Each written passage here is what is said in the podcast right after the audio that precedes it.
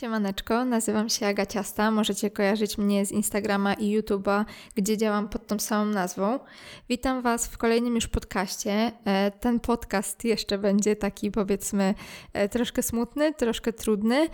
Dalej będziemy mówić o tym, o czym głównie chcę tutaj e, do Was mówić, czyli o zaburzeniach odżywiania i o tej, mm, no można powiedzieć, najsmutniejszej, najtrudniejszej fazie, czyli hospitalizacji. Chcę Wam troszkę opowiedzieć o tym, jak wygląda pobyt w szpitalu, jak wygląda leczenie osoby chorej właśnie bazując na, na moim doświadczeniu i obiecuję, że po tym temacie zrobimy sobie chwilkę przerwy mm, i może poruszymy temat oczywiście dalej ważny, istotny, ale troszkę może od innej strony spojrzymy na cały ten problem zaburzeń odżywiania. A bardzo często dziewczyny właśnie z zaburzeniami odżywiania trafiają do e, szpitali psychiatrycznych. Ja na szczęście nie trafiłam do takiego szpitalu. Ja byłam leczona w Zabrzu na mm, oddziale endokrynologicznym. Tam, jak mówiłam w poprzednim podcaście, właśnie o tej wizycie u pani endokrynolog, o tym, że ona była ordynatorem na tym oddziale, dlatego właśnie tam trafiłam. I opowiem Wam po prostu, jak było tam. Nie wiem, jak jest w psychiatryku, w sensie wiem jedynie z opowieści koleżanek, które właśnie poznałam właśnie w szpitalu, e, bo one niestety miały przygodę swoją z szpitalami psychiatrycznymi. Ja tego nie znam z autopsji, więc nie chcę się jakby rozwodzić na ten temat, no bo staram się nie wypowiadać na tematy, o których nie mam zielonego pojęcia. Wiecie, gdzieś tam e, coś zasłyszane, coś przekombinowane, później wychodzą niefajne plotki. E, no ale to powiedzmy takie legalne, legitne źródło. Właśnie dziewczyna, z którą bardzo dużo czasu spędziłam, opowiadała mi o tym, więc bardzo się cieszę w gruncie rzeczy, że do tego psychiatryka nie trafiłam. Trafiłam na oddział endokrynologii, no i właśnie o tym chcę Wam opowiedzieć, o tym, jak wygląda to życie w szpitalu. Ja łącznie na oddziale spędziłam ponad trzy miesiące, bo za pierwszym razem to był miesiąc, za drugim były to ponad dwa miesiące, więc ponad trzy miesiące byłam w szpitalu e, endokrynologicznym. E, no i tam był jakby osobny, nie wiem jak to nazwać, były leczone oczywiście osoby z, z problemami hormonalnymi, czyli dzieciaczki, które na przykład nie miały, nie, ich organizm nie wytwarzał hormonów wzrostu. E, były też osoby, które miały jakieś takie niestwierdzone zaburzenia, były po prostu badane na różne rzeczy, bo miały e, poważne problemy hormonalne. No i właśnie byłyśmy my, grupa anorektyczek. I o tym, jak oni wszystko to sobie mm, wymarzyli, zaplanowali, tutaj opowiem. Na początku chcę zaznaczyć jeszcze, że uważam, że to nie było dobre leczenie i wtedy tak uważałam i teraz po tych tylu latach, kiedy już jestem dużo bardziej mądra i dużo mniej zbuntowana, e, dalej uważam, że to nie było dobre podejście i wy pewnie zaraz, zaraz zanim, kurczę, jakiś dziwny tutaj bit zapuściłam. Mam problemy dzisiaj z wysławianiem, przepraszam. Pewnie kiedy wy usłyszycie, jaka tam panowała metoda, zasada główna, też stwierdzicie, że to jest bez sensu. I już mówię o co chodzi. E, zasada, o której dowiadywały się dziewczyny, w tym ja, e, kiedy byłyśmy przyjmowane na oddział, brzmiała tak. Wychodzisz, jeśli przytyjesz 5 kg. No, tylko musimy pamiętać o tym, że na oddział trafiały dziewczyny, które ważyły załóżmy 40 kg i miały stwierdzoną tą anoreksję, mm, miały poważne problemy z, z, psychiką, gdzieś tam sobie totalnie z tym nie radziły, były wychudzone, były wyczerpane i dla nich przytycie 5 kg rzeczywiście już um, odsuwa na bok to zagrożenie zdrowia, takie fizyczne. E, no bo kiedy dziewczyna powiedzmy mojego wzrostu, 1,65 m, waży 45 kg, no nie mamy tutaj tego bezpośredniego zaburzenia, e, zaburzenia, zagrożenia życia. Ale kiedy ja byłam przyjmowana na oddział, były tam ze mną dziewczyny, które ważyły, uwaga, 27 kg. I wyobraźcie sobie, że dziewczyna, która waży 27 kg, zostaje wypuszczona ze szpitala, kiedy waży 32 kg. I to były wciąż dziewczyny mojego wzrostu. To nie były e, dziewczyny, które miały 1,20 m, tylko to były dziewczyny, które miały 1,60 m, 1,65 cm. E, I one, ważąc 32 kg, mogły wyjść ze szpitala, bo taka była zasada. No i to jest jakby pierwsza rzecz, której ja totalnie nie rozumiem. I e, z tego co wiem, bo kilka dziewczyn się do mnie odezwało aktualnie, mm, kiedy dowiedziały się, że ja właśnie tam leżałam, i mówią, że to się nie zmieniło, że dalej tam jest ta zasada. No więc to jest jakby pierwszy w ogóle absurd tego miejsca. E, no a później nie chcę się wymądrzać, bo ja nie wiem, czy to da się zrobić lepiej. Nie wiem, jak podejść do takich dziewczyn, nie wiem, jak. Wiecie, to jest ciężkie, to jest złożone, więc ja nie chcę się wymądrzać, bo gdybym ja była na miejscu ordynatora takiego oddziału, też pewnie popełniłabym masę błędów, mimo że mam jakieś tam doświadczenie, ale właśnie może to, że sama byłam anorektyczką, może sprawiałoby, że nie jestem w stanie się zdystansować do pewnych rzeczy, więc y, ja to mówię Wam informacyjnie. Mm, nie mam żalu do szpitala, bo w sensie mam żal za to, za to, że mnie oszukali. O tym, o czym mówiłam Wam e, w poprzednich podcastach, czyli oszukali mnie ja wcale nie przytyłam 5 kg, tylko przytyłam prawie 8, jeśli się nie mylę. E, za to mam żal, ale za sam pobyt jestem bardzo wdzięczna, bo uważam, że to uratowało mi życie po prostu. No ale właśnie, kolejny absurd, chociaż ciężko mi to w ten sposób nazywać. E, tam nie leczą w ogóle waszej psychiki, tam was tylko tuczą. I to brzmi dosyć brutalnie, ale to jest prawda. E, wiecie, właśnie pewnie dlatego, że to nie jest szpital psychiatryczny. Dlatego wizyta z psychologiem była jedna w tygodniu i były to zajęcia grupowe. Kiedy grupą siedmiu, ośmiu dziewczyn siadałyśmy i po prostu miałyśmy zajęcia z psychologiem, takie wiecie, bardzo, bardzo ogólne, przypominające trochę takie zajęcia w podstawówce czy w gimnazjum. No więc y, ciężko powiedzieć, że w ogóle ten szpital jakkolwiek wpłynął na, na to, żeby wyleczyć te zaburzenia psychiczne i pewnie dlatego też tak szybko wróciłam później po wyjściu ze szpitala mm, do tych dawnych po prostu e, metod, które stosowałam, bo ta psychika w żaden sposób nie została uleczona. Zostało uleczone tylko ciało. I tak jak mówię, za to jestem wdzięczna, bo gdybym ja wtedy nie trafiła do tego szpitala, to być może za dwa miesiące ja już bym nie żyła, bo moje serce już ledwo, ledwo e, dawało radę bić. Miałam już dużo wody w worku osierdziowym i, i stan był naprawdę ciężki. No ale tak jak mówię, tuczą nas i robią to skutecznie. E, dzień na oddziale zaczyna się o godzinie 6 rano, kiedy jesteśmy budzone przez pielęgniarki i idziemy na ważenie. Oczywiście najpierw idziemy jeszcze do toalety, z nami idzie pielęgniarka, która słucha, czy oddajemy mocz, czy załatwiamy się po nocy i tak dalej. No i po tym, jak już e, się wypróżnimy, idziemy na wagę. Mm, wchodzimy na wagę zawsze tyłem, będąc przez cały okres e, czasu na, na oddziale, nie widzimy, jaką mamy wagę, nie jesteśmy o tym informowane. I to ma sprawić, że jakby zniknie ta nasza obsesja na punkcie wagi, co jest oczywiście e, głupim marzeniem, bo ta obsesja po prostu wzmaga właśnie przez to, że ty nie możesz tej wagi znać, więc cały czas o tym myślisz. Jak szybko ona wzrasta, czy już jesteś gruba, czy jeszcze nie, e, gdzie jest ta granica i w ogóle, i w ogóle. No ale z drugiej strony też to rozumiem, bo gdyby anorektyczka, która waży właśnie tam 37 kg, widziała, że ona w jeden dzień przytyje kilogram, czy nawet więcej, no to to jest, wiecie, koniec świata. Więc z dwojga złego wydaje mi się, że lepsza była ta metoda, którą oni stosowali, czyli to, że nie mogłyśmy widzieć e, tej naszej wagi. Po ważeniu wracamy do łóżek i generalnie możemy iść spać, bo e, pierwszy posiłek, czyli śniadanie jest o godzinie 8. E, więc no, dwa metody, dwie metody jakby życia. Kiedy już zależy nam na tym, żeby jak najszybciej wyjść, E, ja sama stosowałam tą metodę, to po prostu o tej szóstej zaczynałam już jeść. Załóżmy, przeznaczałam sobie takie pół godziny na to, żeby zjeść na przykład 3-4 drożdżówki i po zjedzeniu tego szłam dalej spać. Miałam te niecałe dwie godzinki, żeby to się w miarę przetrawiło i później było śniadanie. E, no i śniadanie było mm, zazwyczaj bardzo podobne. W sensie dostawałyśmy zupę mleczną, dostawałyśmy pieczywo, masło, jakiś tam dżem, szynkę, ser, w zależności od tego, co akurat było w jadłospisie. E, o dziewiątej był obchód, który był bardzo, bardzo ogólny. Generalnie nie pamiętam ani jednego obchodu, który byłby jakkolwiek mm, nie wiem jak to nazwać, osobowy. Wiecie, że czułam, że ten lekarz w ogóle wie, kim ja jestem. Tylko to raczej było takie bardziej się czułyśmy jak małpy w zoo, że po prostu przychodzą ludzie nas oglądać i na tym się kończył obchód. W ogóle nigdy nie było jakiegokolwiek pytania o to, jak my się czujemy, czy mamy jakieś uwagi, czy no bla bla bla, ale wiadomo, to nie jest koncert życzeń. E, po obchodzie o godzinie 10 było drugie śniadanie. Drugie śniadanie wyglądało niemal tak samo jak pierwsze, z tym, że nie było zupy mlecznej, czyli po prostu było pieczywo, jakieś masło i jakiś tam dodatek.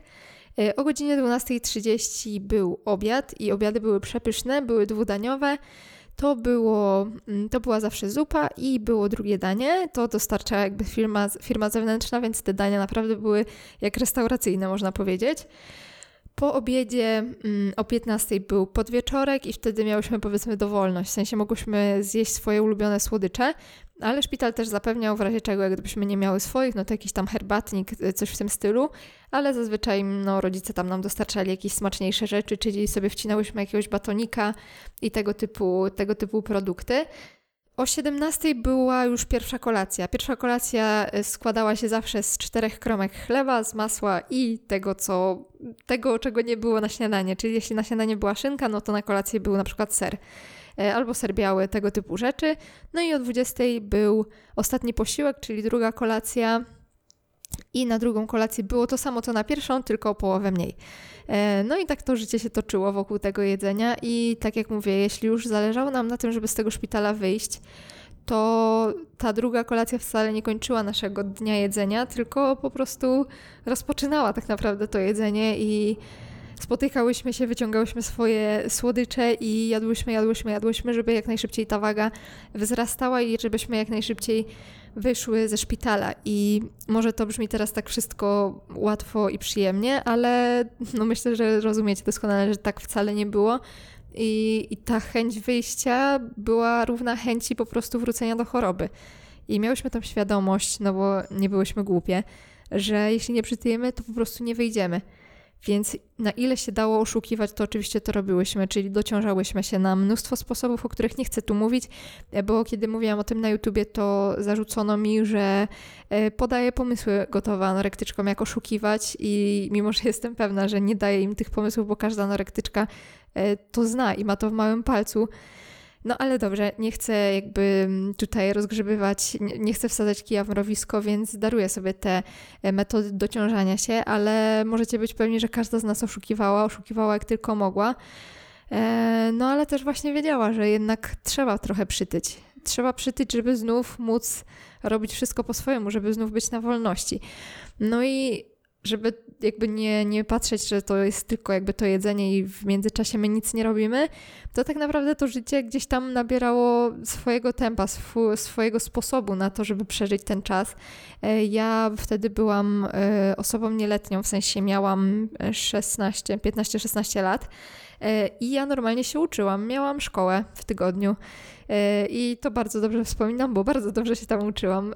Nauczyciele w szpitalu bardzo fajnie nas traktowali. W sensie jakby brali pod uwagę, że my jesteśmy chorzy w jakiś sposób, więc nie wymagali od nas dużych, y, jakichś tam dużych nakładów poświęcenia się tej nauce, tylko raczej takie podstawy i kiedy widzieli, że ja się rzeczywiście staram, bo no co ja miałam robić? No jak dostawałam zadanie domowe i musiałam coś zrobić, no to wręcz się cieszyłam, że w końcu mam co robić.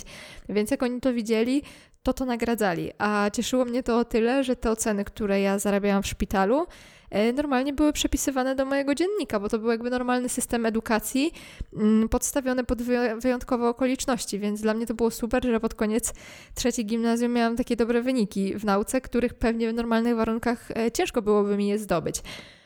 Co jeszcze robiłyśmy? Miałyśmy możliwość odwiedzin i to tak naprawdę trzymało nas przy życiu.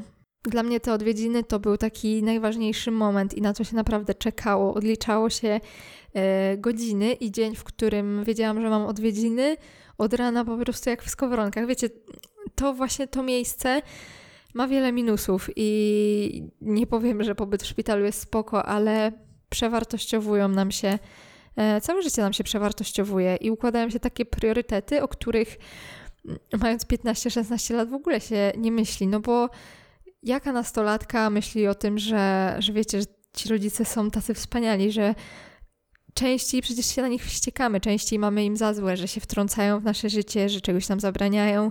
No takie typowe nastoletnie zachowania, raczej każdy z nas to zna. A nagle trafiasz do szpitala i tych rodziców nie ma. I ty sobie wtedy uświadamiasz, że bez nich to, to w ogóle to życie w ogóle nie ma sensu i ty sobie nie radzisz i ty chcesz, żeby oni byli obok i ty chcesz, żeby oni się wtrącali i ty chcesz słyszeć codziennie ich głos i codziennie ich widzieć i jest ci to zabrane, więc w dni, kiedy oni mogli u mnie być, zazwyczaj to było trzy razy w tygodniu. Zdarzało się tak, że właśnie w tygodniu, e, czyli tam powiedzmy wtorek, czwartek przyjeżdżała do mnie mama, a w niedzielę przyjeżdżała do mnie e, i moja siostra i na przykład mój tata, więc te niedziele to w ogóle były wspaniałe. No i jak wyglądały takie odwiedziny? E, jeśli mm, no na początku jakby tej całej hospitalizacji, no to spotykaliśmy się po prostu y, gdzieś tam w sali u mnie na łóżku, czy ewentualnie na korytarzu i się po prostu gadało. Y, mogliśmy, sobie układać puzzle, nie wiem, rysować coś, no ale wiadomo, że już byłam nastolatką, więc sorry, ale kolorowanki średnio mnie jarały. No ale chociażby takie spędzenie czasu z tym rodzicem, czy z tą bliską osobą, to było naprawdę ważne.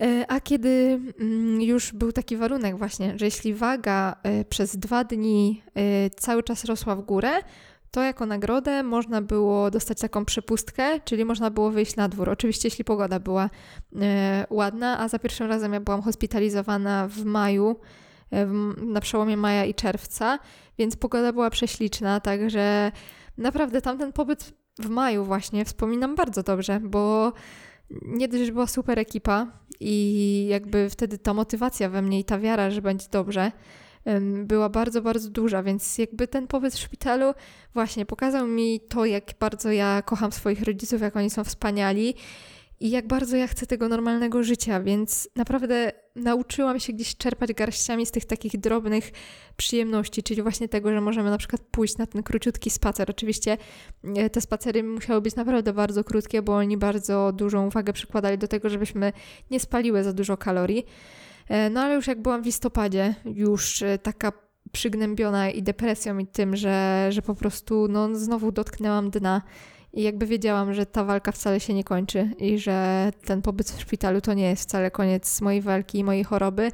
E, no i była paskudna pogoda. No w listopadzie, listopad chyba jest najbardziej przygnębiającym miesiącem, jaki możemy sobie e, wyobrazić. No to już nie było tak ciekawie i w tym listopadzie też zupełnie, zupełnie, zupełnie inne było podejście moje do całego pobytu w szpitalu i no nie ukrywam, że o ile w czerwcu, czy tam w tym maju robiłam wszystko, żeby z tego szpitala wyjść, jakby współpracowałam i z lekarzami, z pielęgniarkami i, i było tak, jak mówię, bardzo fajnie i z ręką na sercu. Wiem, że to brzmi może mm, nieodpowiedzialnie, nietaktownie, ale to było dla mnie jak przyjemne kolonie, bo miałam super dziewczynę na oddziale, wiecie, oglądałyśmy sobie po nocach seriale i jakby bawiłyśmy się i w ogóle to życie było takie, no takie po prostu radosne. No tak w listopadzie już była, mm, był dramat, bo, bo była ta depresja, była bardzo mocna. Ekipa już nie była taka, pielęgniarki zupełnie inaczej na nas patrzyły. E, ja też byłam już wycwaniona, bo zważywszy na to, że byłam na oddziale drugi raz, to znałam dokładnie regulamin, więc ja wiedziałam, na co ja muszę się zgodzić, a na co kompletnie nie muszę i nie zamierzałam godzić się na to, na co nie muszę się godzić, i byłam bardzo negatywnie nastawiona do całego w ogóle procesu hospitalizacji. Bardzo miałam im to wszystko za złe, yy, dlatego też ten pobyt tak długo trwał, bo oszukiwałam pięć razy mocniej niż za pierwszym razem, mimo że za pierwszym razem też nie byłam święta. No i tak to się życie toczyło na tym oddziale. Nie wiem, cóż jeszcze mogłabym Wam powiedzieć. Ciężko jest, wiecie, tak, e, tak w 30 minut opisać całe trzy miesiące. Oczywiście było też takie życie zwykłe szpitalne, czyli e, dosyć często brali nas na jakieś badania, na badania kontrolne USG, nie wiem, czy to jajników, e, czy badali nam serducho, czy to wszystko wraca do normy, więc pod tym kątem na pewno super, bo rzeczywiście przez taki okres byłyśmy przebadane no, od stóp do głów tak naprawdę, więc to jest na pewno dużym plusem, że gdzieś tam tak medycznie uważam, że spoko się nami zajmowali. No ale jeśli chodzi jeszcze o sam rytuał posiłków, mm, bo to było jakby najistotniejsze, no, tak jak mówię, ten szpital nas tuczył, a nie leczył, więc y, no cały, cały cyrk, całe największe skupienie odbywało się w okolicy posiłków. I to było tak, że siadałyśmy z dziewczynami wokół takiego malutkiego stolika i między nami siadały pielęgniarki. I w zależności, która to była godzina, wieczorem wiadomo, zostawały zazwyczaj dwie pielęgniarki, rano były to nawet cztery. Więc do śniadania, czy nawet do obiadu, e, siedziały z nami cztery pielęgniarki e, i każda patrzyła nam po prostu na nasz najmniejszy ruch. Pilnowała, żeby z tego talerza znikało wszystko, e, żeby kompot był wypijany, wiecie, do, do ostatniej kropelki. No i tak jak mówię, to jest, e, to jest pewnie konieczność, ale to sprawiało, że ta relacja z jedzeniem po prostu była dramatyczna. No ale mm, tutaj akurat nie widzę innego rozwiązania, bo jeśli ich by tam z nami nie było i one by tak skrupulatnie tego nie pilnowały, to ja i wszystkie inne dziewczyny po prostu nie jadłybyśmy. E, ta psychika jest tak zaburzona, że jeśli tobie tylko w głowie pojawi się małe, mała droga ucieczki od tego, że ktoś cię do czegoś zmusza, to po prostu lecisz, lecisz na ślepo i się nie zastanawiasz i yy, robiłyśmy tak absurdalne rzeczy. Ja nie zliczę, ile razy pod poduszką miałam schabowego i z nim cała, spałam całą noc, żeby następnego dnia go gdzieś tam wyrzucić, jak będę poza oddziałem, żeby nikt się nie zorientował. E, wiecie, jakby całe plany wyrzucania tego jedzenia, żeby nikt się właśnie nie szczaił, że ja to w ogóle zrobiłam. E, nie wiem, kluski wrzucałyśmy sobie do rękawów, to po prostu teraz jak, wiecie, jak o tym mówię, jak tego słucham sama, no to to jest bardzo smutne. To jest bardzo smutne, że że ta choroba tak poniża te biedne dziewczyny. E, no ale tak, z jednej strony to pilnowanie i to takie patrzenie w talerz i w ogóle też takie absurdalne rzeczy, jak na przykład trzymanie tempa. Była taka jedna lekarka, pamiętam to do dziś i często to wspominam z moją mamą, bo ja byłam wtedy taka zbulwersowana i od razu to mamie musiałam powiedzieć. E, była lekarka, która postanowiła się nami zainteresować e, któregoś dnia i przyszła i stwierdziła, że my za wolno jemy. I wymyśliła nam tempo. I było tak, talerz buzia, talerz buzia, talerz buzia, talerz buzia. I w takim tempie musiałyśmy jeść. I wiecie, to było chore, no jak wygrałam jakąś grę. I to, no, kurczę, wiele rzeczy jest w takim szpitalu do zmiany, ale no pewnie problemem są pieniądze, pewnie problemem jest to, że ten personel nie jest wyedukowany pod takim kątem, ale ja też od nich tego nie oczekuję. Tam były, wiecie, pielęgniarki, które, które jakby nie, nie pisały się na to, że one będą leczyć choroby psychiczne.